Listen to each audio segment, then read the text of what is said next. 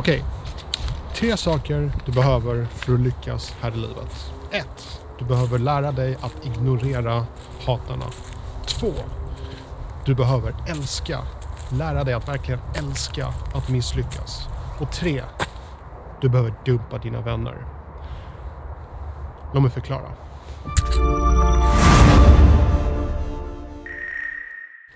Okej. Hej.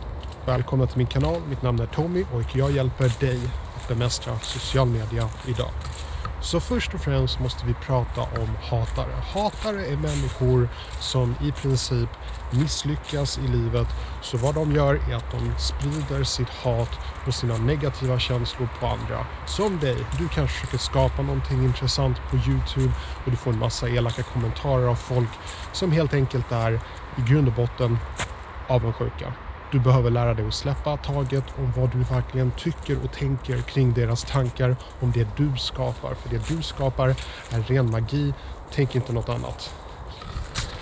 Det finns en slags bild av att man får inte misslyckas i livet. Om du misslyckas då är allting kört. När du gör prov i skolan så kan du klara testet eller du kan misslyckas.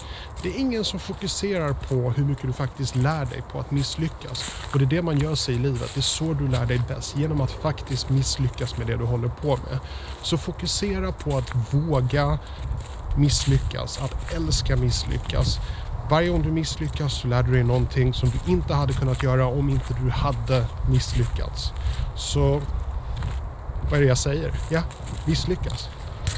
Slutligen om det här med att dumpa sina vänner. Jag säger inte att du ska dumpa alla dina vänner, men jag är säker på att du har vänner som sprider väldigt mycket negativitet, som gör narr av dina bedrifter, som när du kämpar och gör någonting intressant av ditt liv så skämtar de med dig, de skojar om dig.